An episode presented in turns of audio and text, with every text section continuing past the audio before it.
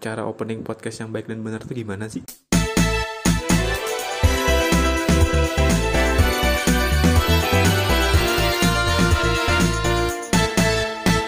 Yo semuanya selamat datang kembali di podcast ini di Saraba Podcast episode ke 5 Wah gila udah lama banget nggak ngetek podcast soalnya ada beberapa kesibukan lagi Karena emang di akhir bulan dan juga menjelang awal bulan dan juga dan juga menjelang bulan Ramadan seperti biasanya kalau di kerjaan gue itu emang lagi numpuk-numpuknya juga sih gitu.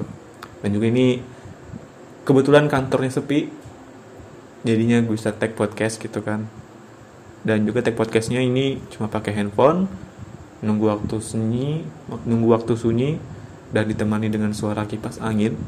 Semoga kalian mendengar suara kipas anginnya kantor gue tuh nggak ada nggak ada AC bos nggak ada AC gue mendukung para kantor ramah lingkungan oh ya by the way buat kalian semua yang beragama Kristen saya mengucapkan selamat memperingati hari Jumat Agung. Oke. Okay. Ngomongin masalah jelang bulan Ramadan nih. Di tempat gue, nggak tahu di tempat kalian juga ada kayak gini atau gimana. Di tempat gue, biasanya setiap jelang bulan Ramadan, kan itu bulan Ramadan itu sebelum bulan Ramadan ada namanya bulan Syaban. Di bulan Syaban tuh biasanya banyak banget eh, orang-orang uh, yang ada acara kawinannya. Nggak tahu kenapa dari dulu pasti gitu. Dari dulu dan itu bertahap tuh buat gue pas gue kan masih kecil gitu melihat acara kawinan banyak asik aja gitu. Makan gratis lagi tak bisa sama mama minta beliin mainan minta beliin ini itu. Menjelang gue dewasa gue ngerasa ada yang kawinan tuh 50% iri 30% pengen juga kayak gitu 20% pengen juga gitu. Uh, ya gitu gue pengen gue juga pengen sih gitu. Tapi mungkin uh, yang di atas berkata lain yang gue sebenarnya udah ada rencana untuk mungkin melepas lah biasanya melepas status gue ini untuk yang lebih serius namun seperti yang kalian tahu di episode yang udah dihapus itu gue udah ya ada masalah lah yang akhirnya membuat gue kembali menyendiri lagi tanpa ada ikatan dengan siapa pun. Oke, kita kembali ke topik kok malah ngomongin gue gitu kan. Ngomongin tentang kawinan nih. Kawinan itu kan biasanya di sini di tempat gue terjadinya emang setiap bulan kecuali bulan Ramadan. Tapi kan tapi uh, ada beberapa bulan yang tingkat acara kawinannya itu menaik drastis. Ada yang bisa tuh seminggu tuh ada 2 sampai 3 kali ada acara kawinan, bahkan ada sampai 4 kali waktu itu gue hitung. Dan itu bukan apa-apa, kasihannya tuh emak gue.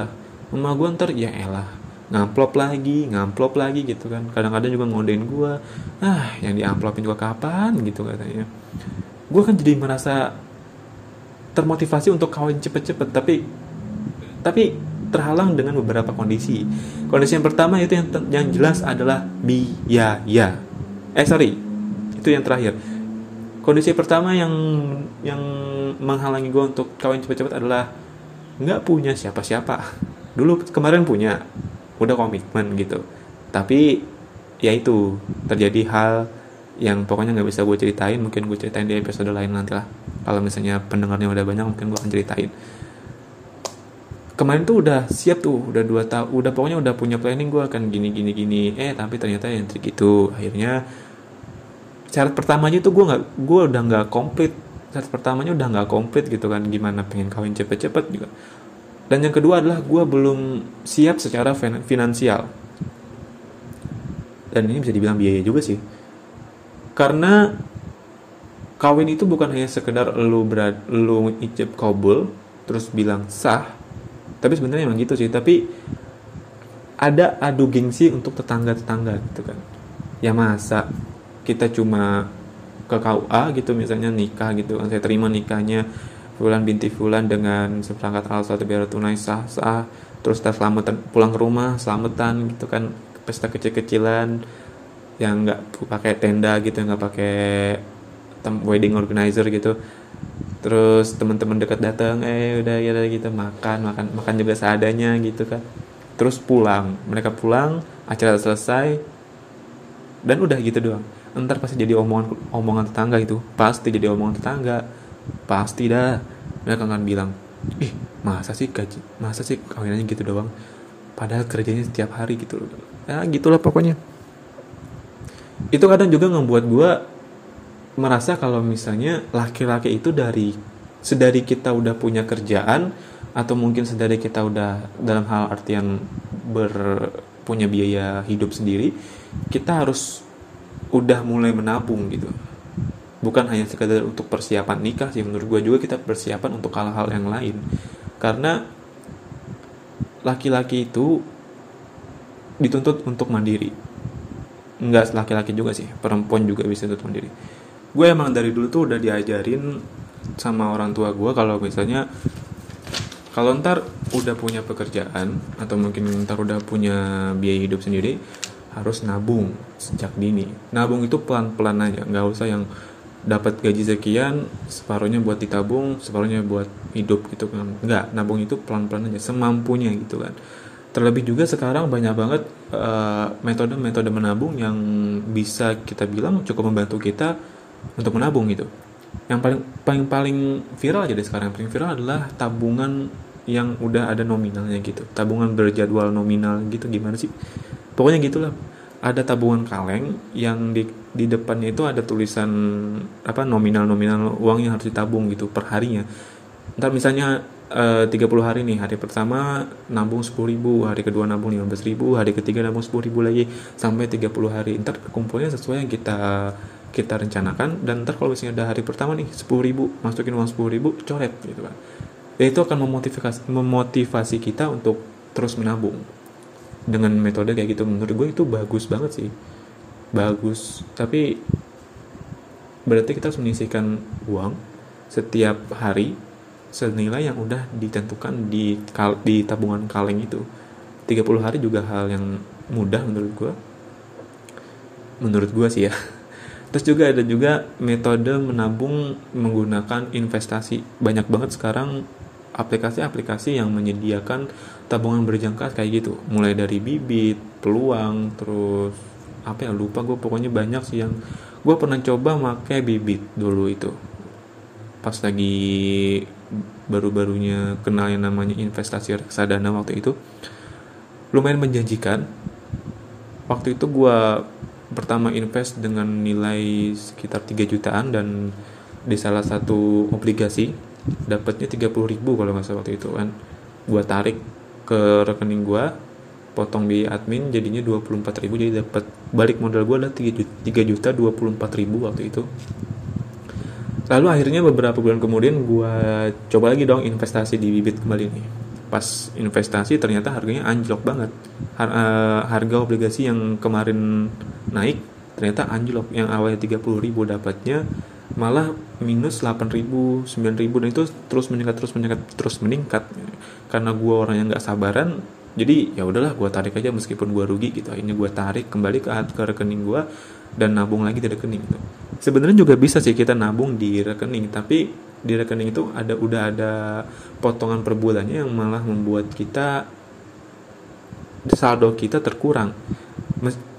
Itu tapi tapi itu nggak berlaku buat kalian mungkin yang punya saldo lumayan banyak di ATM kalian yang mungkin bisa beratus-ratus juta gitu. Jadi nggak akan berlaku biaya potong itu dipotong ditutup sama bunga gitu kan dan juga ada tabungan emas juga banyak sih. Deposito dan lain-lain. Tapi yang paling viral sekarang sih yang tabungan yang kaleng-kaleng itu sih. Menurut gue itu bisa dipakai buat kalian semua yang pengen belajar nabung sejak dini. Gue gue juga ngerekomendasiin kepada kalian yang pengen nabung dengan bibit karena itu isi mudah banget. Bahkan untuk kita yang awam tentang reksadana karena itu udah ada yang ngehandle nya kita tinggal beli salah satu reksadananya beli salah satu obligasi atau sahamnya. Nominalnya udah mulai dari 10.000 gitu pokoknya. Dan tinggal ditransfer tunggu proses pembelian dan kita tunggu aja robot advisornya dari bibit bekerja gitu. Jadi kita nggak usah ribet-ribet harus lihat cek pasar saham setiap hari nggak usah. Ngomongin biaya nikah nggak murah nih gue juga kadang-kadang kembali lagi ke topik awal gue juga ya iri. Kadang-kadang juga gue kapan sih gitu? juga. Bisa nggak tapi nggak terlalu berharap pengen cepet-cepet nikah. Tapi gue cuma sedih aja temen-temen gue mulai berkurang jadi ntar circle circle gue mulai berkurang. Yang biasanya mungkin kalau misalnya nongkrong gitu kan eh nongkrong yuk ayo gitu kan sekarang eh nongkrong yuk. Eh bentar gue izin bini gue dulu. Atau mungkin waduh bini gue sakit bro. Atau misalnya bini gue nggak ngizinin bro. Jadi kan akhirnya ngebuat kita membuat circle gue berkurang. Yang biasanya setiap malam mabar sekarang eh bro mabar yuk ya kan. Ntar alasannya wah ntar bro uh, lagi pengen manjain bini gitu biasanya gitu. Nah buat kita para yang belum nikah jadinya iri gitu loh.